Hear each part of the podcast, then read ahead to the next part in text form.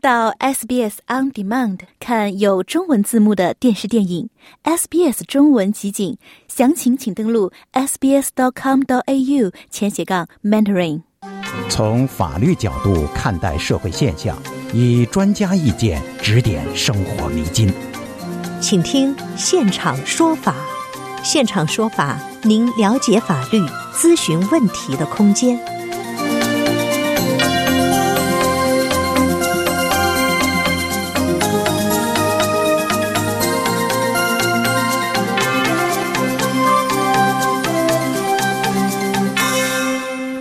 众朋友您好，欢迎您继续收听 SBS 普通话为您带来的现场说法听众热线节目。在本期节目中呢，我们邀请奥斯洛奥和绿业管理合伙人林慧梅律师和您聊一聊推定解雇，也就是被迫辞职的话题。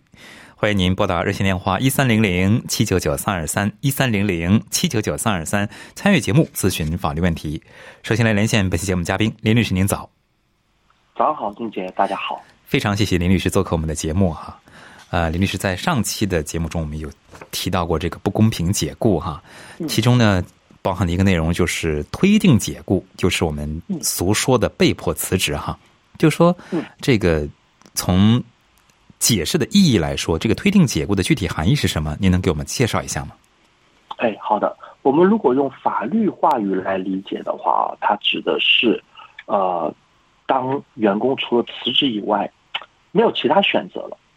就是用白话来讲，就是雇主呢在岗位上耗你，就是呢他呢也也他呢也不给你其他的工作，他呢就给你创造一个非常尴尬的一个处境，来逼迫、被迫这个员工去辞职。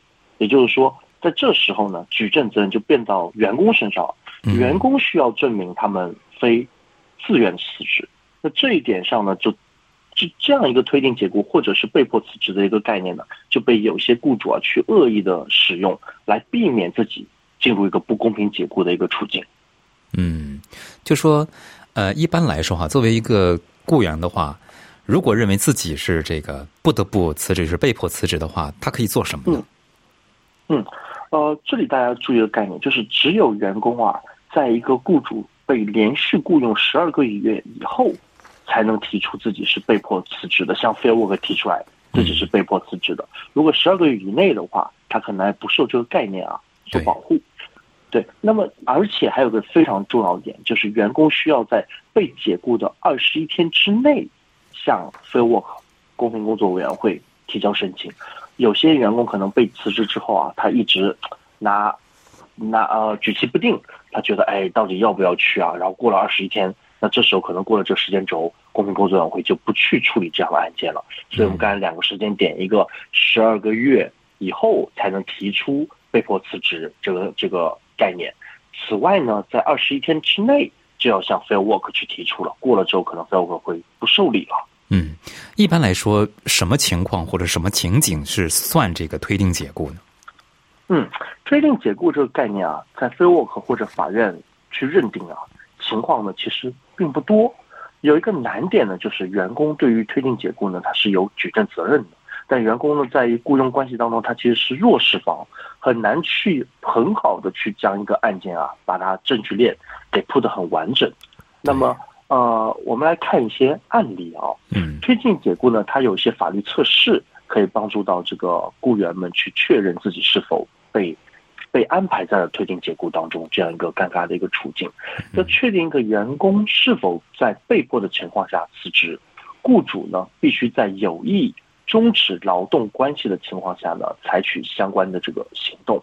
根据过往的这些案例啊，我们看是否构成推定案件呢？推推定解雇呢，取决于啊雇主行为的后果是否有很大的可能导致员工离职，且员工除了离职之外。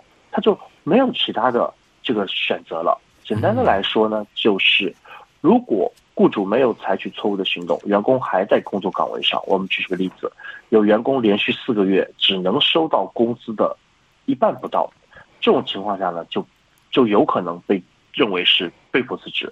雇主发工资不足这样的这个行为呢，被推定解雇。呃，我们展开来讲一下，比如说。雇主呢，他声称自己经济情况不好，嗯只能给雇员提供这样岗位的工作小时数只有过去的一半了。那雇员也得自己去养活自己的家庭，自己对要有自己应得的收入。但呢，岗位呢被连续的几个月被削减、削减了这样的工作小时，他呢，或者雇主呢也不炒掉他，那这时候呢，他也不得不去辞职了。嗯，那如果是比方说您刚才提到说只能收到一部分的工资的这种情况哈、属于呃养不活自自己的话被迫辞职啊。如果是比方说嗯自己的退休公积金 Super，比方说有很长时间这个没有得到支付或者没有得到足额支付这种情况算不算呢？呃，这种情况下，他可能雇主啊还触发了另一个在不公平解雇下面对于养老金的一个义务了。所以呢，这种情况下，如果这点因为养老金触发的，那不仅是被迫解雇，而且还可能触发养老金的没有交付足额的这个义务。所以雇员这时候可以保护自己两个法律的这个主张啊，都可以提起来。啊，非常感谢您的介绍。就是说，一般来说，这种就是说从这个解雇和辞职的角度来看啊、嗯，一般来说，如果员工认为自己，比方说是被迫辞职，他需要证明什么？他因为他是举证嘛，他需要提供哪些证据呢？对，是感谢您这个问题。在历史的案例当中啊，公平委员会呢有发现雇主逼迫员工签署一些雇主提前准备好的辞职信，这个在事实当中啊其实蛮多的。员工呢其实，在想呃没有想辞职，或者他正好在想辞职不想辞职的边缘，但是雇主聊着聊着，突然就把辞职信拿出来给他，让他直接签字，然后来避免是雇主先提出来说哦我把你解雇了这样的情形。这种情况下，大家要注意了。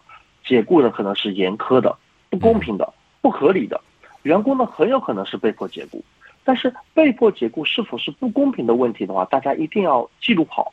我公平工作委员会认定该员工的辞职是公平的与否呢？呃，来要看当时该离职的员工他是否在一个雇主对他是严苛的、不公平的、不合理的这个处境之下。我们要重点去考虑的元素包括辞退的员工是否有与其他员工的工作能力、行为有关，嗯其被辞退的员工是否知道被辞退的合理理由，该员工是否有机会去回应这个辞退的理由，雇主是否在没有合理的理由的情况下拒绝第三人、第三方人员在场时与这个员工讨论解雇问题，是否突然的。没有事先告知的、不合理的、不公平的，直接把一个解呃那个呃辞职信让员工去签字，而不是给员工一个解雇书。那嗯此外，员工在职表现是否不佳啊？是否在被解雇之前就已经因为他不佳可能不佳的表现被提前警告过，而不是没有任何的提前警告或者是表现的这个评估，而直接把他给辞职了。再比如说，雇主企业的规模对解雇员工的程序。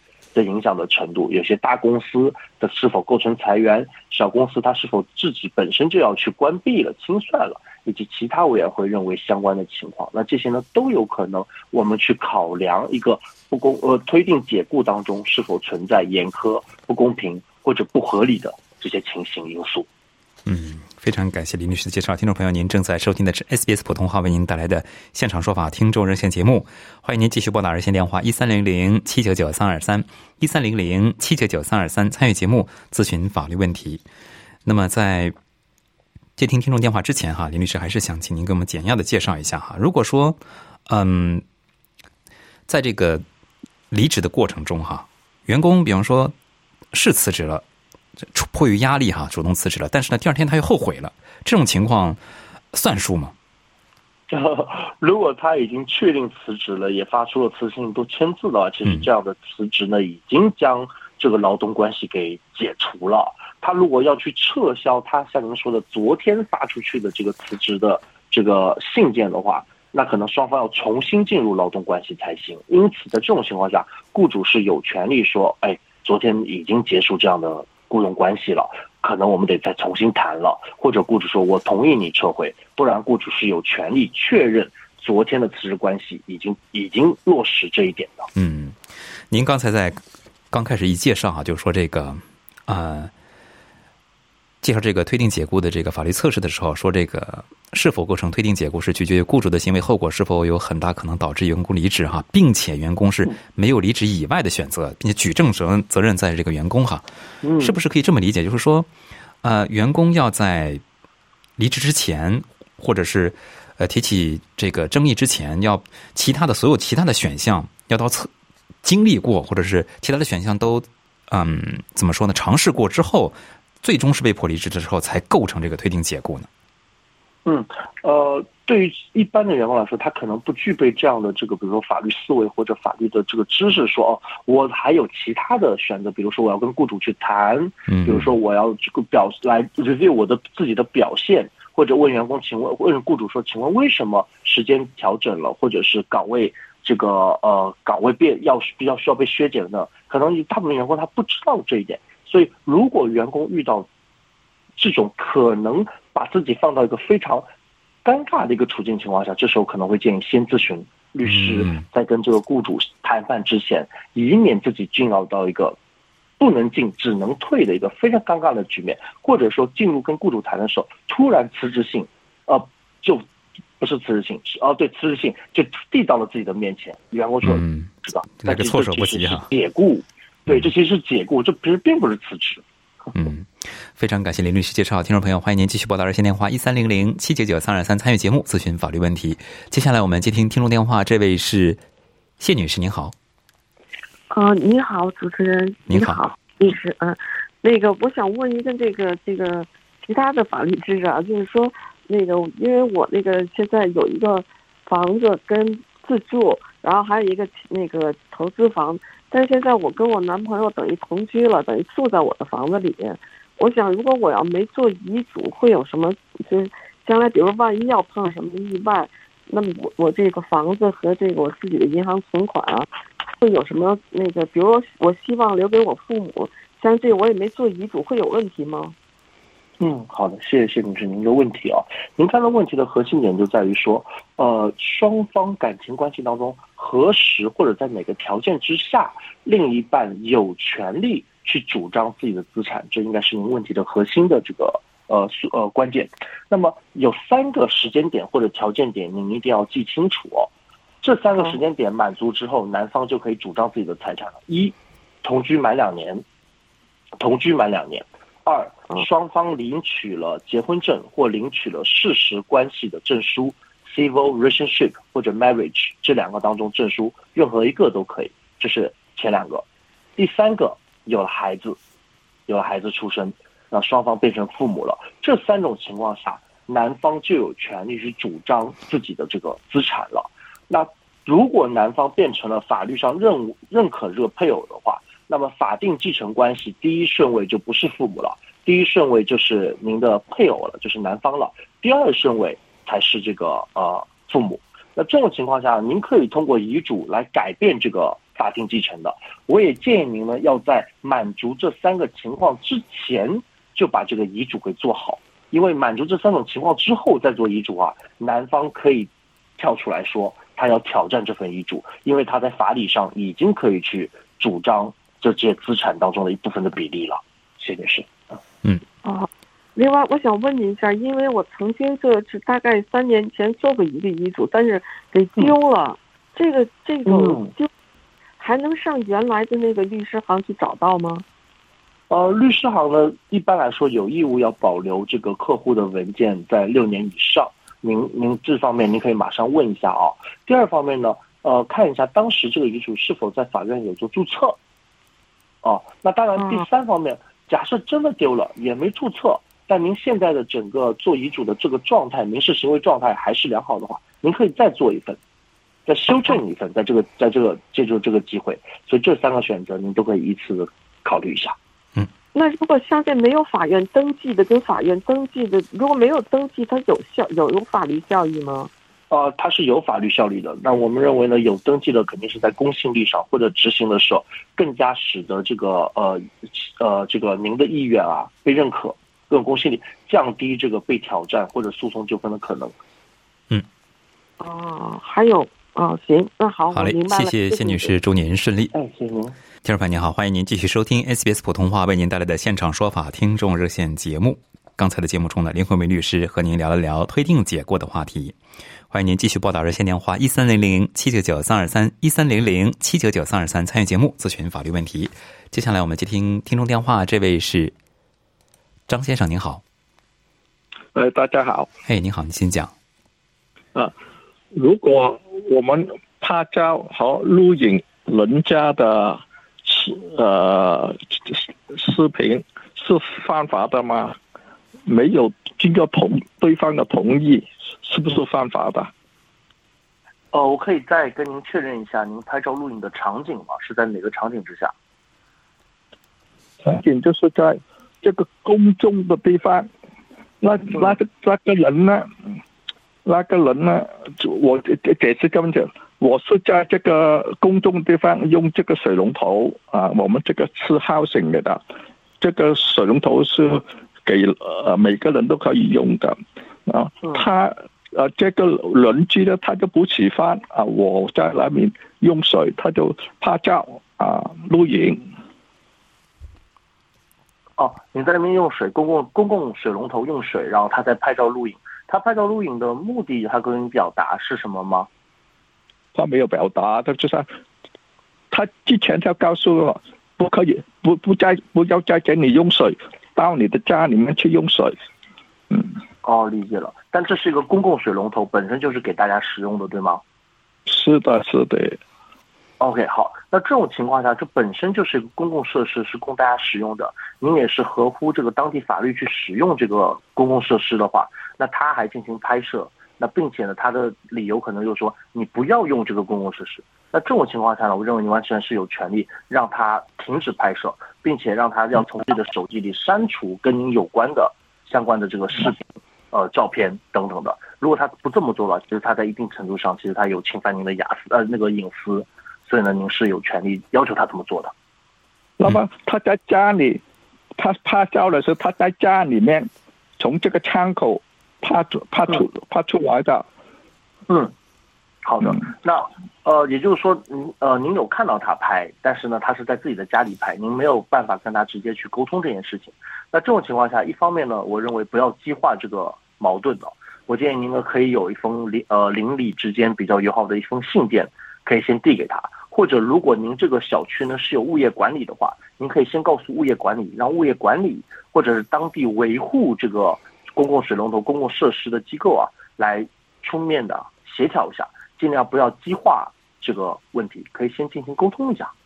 嗯，那么他他的行为就是合法还是不合法呢？呃，如果我认为，首先您如果合法使用公共水龙头的话，那他在他自己家里进行对您直接的一个拍摄，那这种情况下呢，我认为不合适的。您完全可以要求他里面有您的这个合法使用、合法合理使用公共水龙头这个行为的视频啊或照片啊，给删除掉。嗯嗯，好嘞，张先生，谢谢您的咨询，祝您顺利。接下来我们去听下面一位听众，这位是 James，James 您好。哎，James，您可以听到说话吗？接下来我们接听下面一位听众，这位是李女士。李女士您好。哎，您好。哎，您请讲。哦，是这样的，我想我有两个问题。第一个问题，我想咨询一下，就是说，呃，关于装摄像头的呃那个权限，我呢想在家家那个房子的外面装几个摄像头，呃，但是呢，我我我要。我要注意一些什么问题？嗯，呃，原则上是不能在您的家外部去拍的。原则上呢，您可能更多的是装在家庭内部，然后可以尽量的去呃往外去拿到更多的这个视野。但是您原直接装在家外部的话，您是要经过一些审批的，这个您可能要注意一下。那当然，您如果是请装摄像头公司来直接帮您装的话。那他们可能会做好这各方面的合规，在您这个呃要装的这个，呃这个这个场景之下。那主要一个您要记住，就是原则上要装在里面，直接装在外面的话，你要经过一些审批。哦，这样。那我是如果装在呃阳台上面呢？装在阳台上面，然后拍外面是吧？我不是阳台上面，因为我的 house 呢比较特别，我的 house 呢就是说，呃，我的 house 前面有一条小路。是两家人 share 的，但是这个地呢是我的，但但是呢，因为他是住在我的里面，呃，他住在我的里面，我这个车，我这个路呢是要给他用的，然后呢，我的对面是没有人家的，嗯是这么一个情况。但是呢，哦我觉得我如果装摄像头呢，我造的肯定是我自己家的路，但是呢，可能会牵涉到我的邻居，因为他开车会经过我的家，或者说他拉着垃圾桶出去会经过我们家那条小路，就说因为我们是两家一起 share。嗯，理解了。这里呢，可能牵扯出两个法律点了。第一个法律点，您刚才说的，他要经过您家自己土地的路，这个行为叫做 easement，叫做地役权。其实您给了他一个 positive 的一个地役权，您的地役权变成 negative 的，因为您的土地被迫，但是对于他来说，他又是合法经过的了，所以这是一个您给他提供的一个地役权。第二呢，您在自己的家里面，包括阳台里面，包括门里面去装个摄像头，原则上呢都是可以的。啊，那具体的场景啊，可能这个摄像摄那个装摄像头公司来了之后，他会放一个更好的位置。哦、就是说我不能照到他，是这个意思吗？啊，没有说您不能照到它，只是因为那是个公共区域，只是说我说那个摄像头啊不能装在这个呃大楼的外面，它原来是要装在大楼的里面的。啊，就是如果是大楼的里面，但是呢，就是如果呃是照到，你可以照到外。面一些。对，那呃，对我给您一个简单的例子啊，比如说有人来按门铃，我们打开那个门铃的是那个摄像头的时候，不是直接能看到外面所有的场景吗？包括这个，比如说送外卖的人、送快递的人，这种情况其实就是能照到外面的。对对对对，嗯。嗯对，只是说我不能把整个摄像头放到外面去。哦，这样的，就是如果我我要我要在车库外面装一个，那就不可以的，对不对？因为外面就本不能，对，不能这样的，是的，不能这样的。哦，嗯我还有一个问题，就是关于我这条路，呃，嗯我这条路呢，就是是要呃地是属于我的，但是呢，我要给我的邻居，就是说要 share，因为他要作为我这条路，他的进出都要通过我这条路。那现在我有一个问题，他除了这种交通以外，他还能到我们家里来，比如说啊、打扫一下卫生啊，把这条路扫一扫呀，怎么他有这个权利吗？呃，这可能是他的义务吧，不是他的权利了。哦，因为哦我的邻居呢就比较爱打扫卫生，他经常喜欢帮，他非常愿意帮我来打扫这条路。但是呢，哦我们家其实是不希望他来打扫，但是呢，他呢，哦，了解了。他说这条路他是有权利打扫的。那我就是也想咨询一下他这个问题，就是说为什么是我的地，呃，你是有权利来打扫的？我所以想嗯咨询一下这样法律问题。好的，没问题，理解。呃呃，李女士，你的意思了。这个呢相对复杂一点了，为什么？因为您给他一个地役权啊，这可能是在您买这个土地或者他买这个土地的时候，双方的前任这个业主啊，就有可能有这个地役权的文件了的。这个地役权的文件呢，可能有几十年之前就已经做好了。地役权的文件里面可能约定了几个事情：一，他不需要给您付任何钱，如果经过这条路的话，对，呃，有可能有这个约定，但是呢，新的一些地役权，假设以前我们没有，假设以前没有这样地役权，这是完全新的。其实一定程度上是可以要求对方要提供一些这个 consideration 或者补偿之类的，或者提供一定的维护或者是这个保持清洁的这个义务的，都有可能在这个地役权的文件里面。所以您刚才那个问题呢，我可能没有办法直接答复到您说他有没有义务要打扫。有可能几十年前这个地役权文件里面就有约定，说有他有义务要来打扫。哦，那这个东西是要去哪里查呢？这个您做地 title search 之后，可以再做个 easement search，这时候可能能调出来。去哪里社区？呃，可能是您当地的不动产登记中心，或者就当地的律师，可能就能帮助到您做一些检索。哦，就当地的律师，康手能帮助到我吗？哦，康总能帮助到您啊，当然他会给您一些链接，然后您在链接里面去定这些检索就可以了。哦，嗯好的好的，那谢谢。好嘞，接下来我们接听这位听众是欧文，欧文您好，您好，您好，您请讲听得见，吗听得见，很清楚，啊您请讲。？OK，现在是这么着，我呢，呃，以婚姻担保，然后呢，呃，就是担保我的太太，呃，这个移民，她现在拿到 TR 了，拿到 TR 了呢，我发现她呢，就是说在这儿，她把她银行账号借出去，呃，让人家呃洗钱，呃，偷税漏税，后来还有好多事儿。后来我就跟他谈了，我说这样在澳洲是犯严重犯法。我我说要不然咱们分开吧。嗯，他呢就是呃给我控告的警察呢，我家暴他。嗯，现在呢，呃，现在呢，当然我一点儿都没动他，啊，嗯，警察呢就是下了禁止令，然后我也回不去家了，等等等等，我受到很多迫害。那我如果打赢了官司，我现在这个律师费，我想问问，呃，能找警察要回来吗？呃，在公诉案件当中啊，警方是家暴的申请人的话，您很难要求警方给您赔付这个呃律师费的。假设您胜诉的，可是我受到这这么多伤害，呃，呃对睡不着觉啊啊，是的，欧文，我理解意思。您刚才听到的那情况，其实，呃，当然具体案件还要再继续剖析啊。但表面听来，其实女方有一些有一些恶意或者不善意的去使用家暴，能使得能使得她不再依赖您的配偶担保，让她继续拿到呃这个绿卡的这样一个场景，她她有她有一个不善意的这种使用的这个嫌疑在里面。那这种情况下，您可以告诉这个警方。那另外一方面，您这个您这个家暴的案件，您刚才提到是已经拿到了一个家暴令，这是个最终家暴令还是个临时家暴令？呃，现在第一厅开了，他哦那应该呃警察控我，呃呃警察控我四项罪，呃我是一项都不不认可，啊，理解。那给我排期排期到明年了。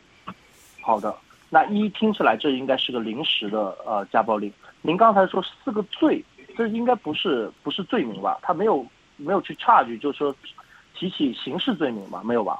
是是提起刑事罪名了，呃，说我揪他头发啊，对对对对，提已经提起刑事罪名了。哦，那您这里要额外注意了，您的案件您要花蛮多精力在里面了。为什么？因为这不是一个简单的民事家暴行为了，这已经上升到刑事刑事罪名的指控了。对对对对，是刑事。呃，我也咨询了一个律师，呃，他也呃，因为一开始是西人律师，沟通的不太好，啊，嗯，他不理解中国人的就是想法，为什么他告你家暴什么等等等等的，呃，他可能不知道有八二零移民的这个事情在。他不懂，不懂这个这些，很多新人律师不懂这些，呃，说我拽他头发往墙上撞，呃撞，呃拽他一百多根头发。我还有一个问题，我问，在法庭上可以申请，就是说呃法律鉴定嘛？因为拽下来头发呢，和呃肯定要带着皮呃毛囊呢，对吧？嗯，因为他脱发脱的厉害，脱发脱的厉害，拽下的头发和自己脱落的头发应该是不一样的，对吧？嗯，呃，我可以申请这法律鉴定吗？对呃，刑事罪名的这个入刑的这个证据标准呢是很高的，您完全可以去挑战这些证据，但我建议您挑战的时候不是在当庭去挑战。如果您有这方面的顾虑，要挑战这个证据啊，之前就先提出这方面质证，这样的话您可以有更多的时间去准备，那对方呢也要去回应您这个这个挑战，您完全有权利去质证的。呃，现在这个鬼佬律师呢，他说他跟那个警察去商量，把两个最重的罪给我去掉，让我承认两个最轻的。呃，最重的罪，一个拽他头发往墙上撞，一个给他放在地下踢他踢他身体。啊，呃，轻的呢，就是说把他眼镜给掰坏了，呃，把这个还有说什么我要杀了你什么的这些，我说我都没做过，我们为什么要承认这些呢？啊，嗯那嗯我不知道下一步应该怎么做。呃是是是首先我认为对于您来说，刑事罪名，呃，一定要非常非常的慎重啊。刑事罪名原则上尽量不要接受，不能有。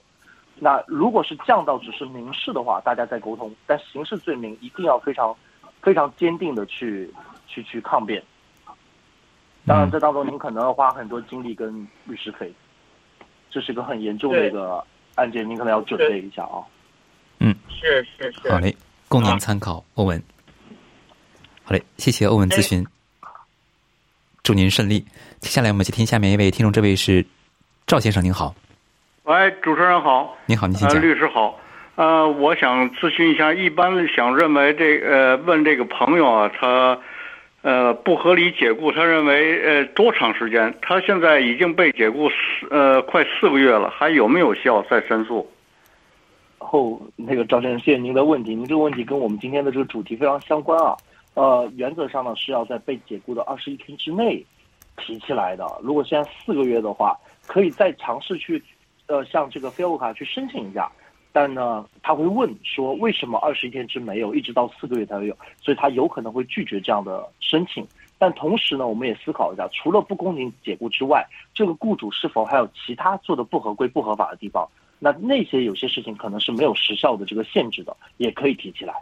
啊，他就是这样，因为他在这家公司啊做了二十五年了，呃，是老板的理由是因为他开的那个机器啊报废了，公司呢也不想买新的了，所以以这个理由啊给他辞退了。嗯，了解。这可能是又构成裁员了。如果是二十五年的话，其实您的朋友可以要求一些裁员费。他就给了他十二周，叫 retendency，然后五周呢找工的，就是一共十七周。他也，但是他听说别的就是因为疫情的，有的他呃工友被炒了，不是在他们公司，其他的人给了三十六周，他才给了十七周。对，如果只是如果是只是这几周，但是有二十五年的成功历史的话，那确实这几周的金额可能少了一些。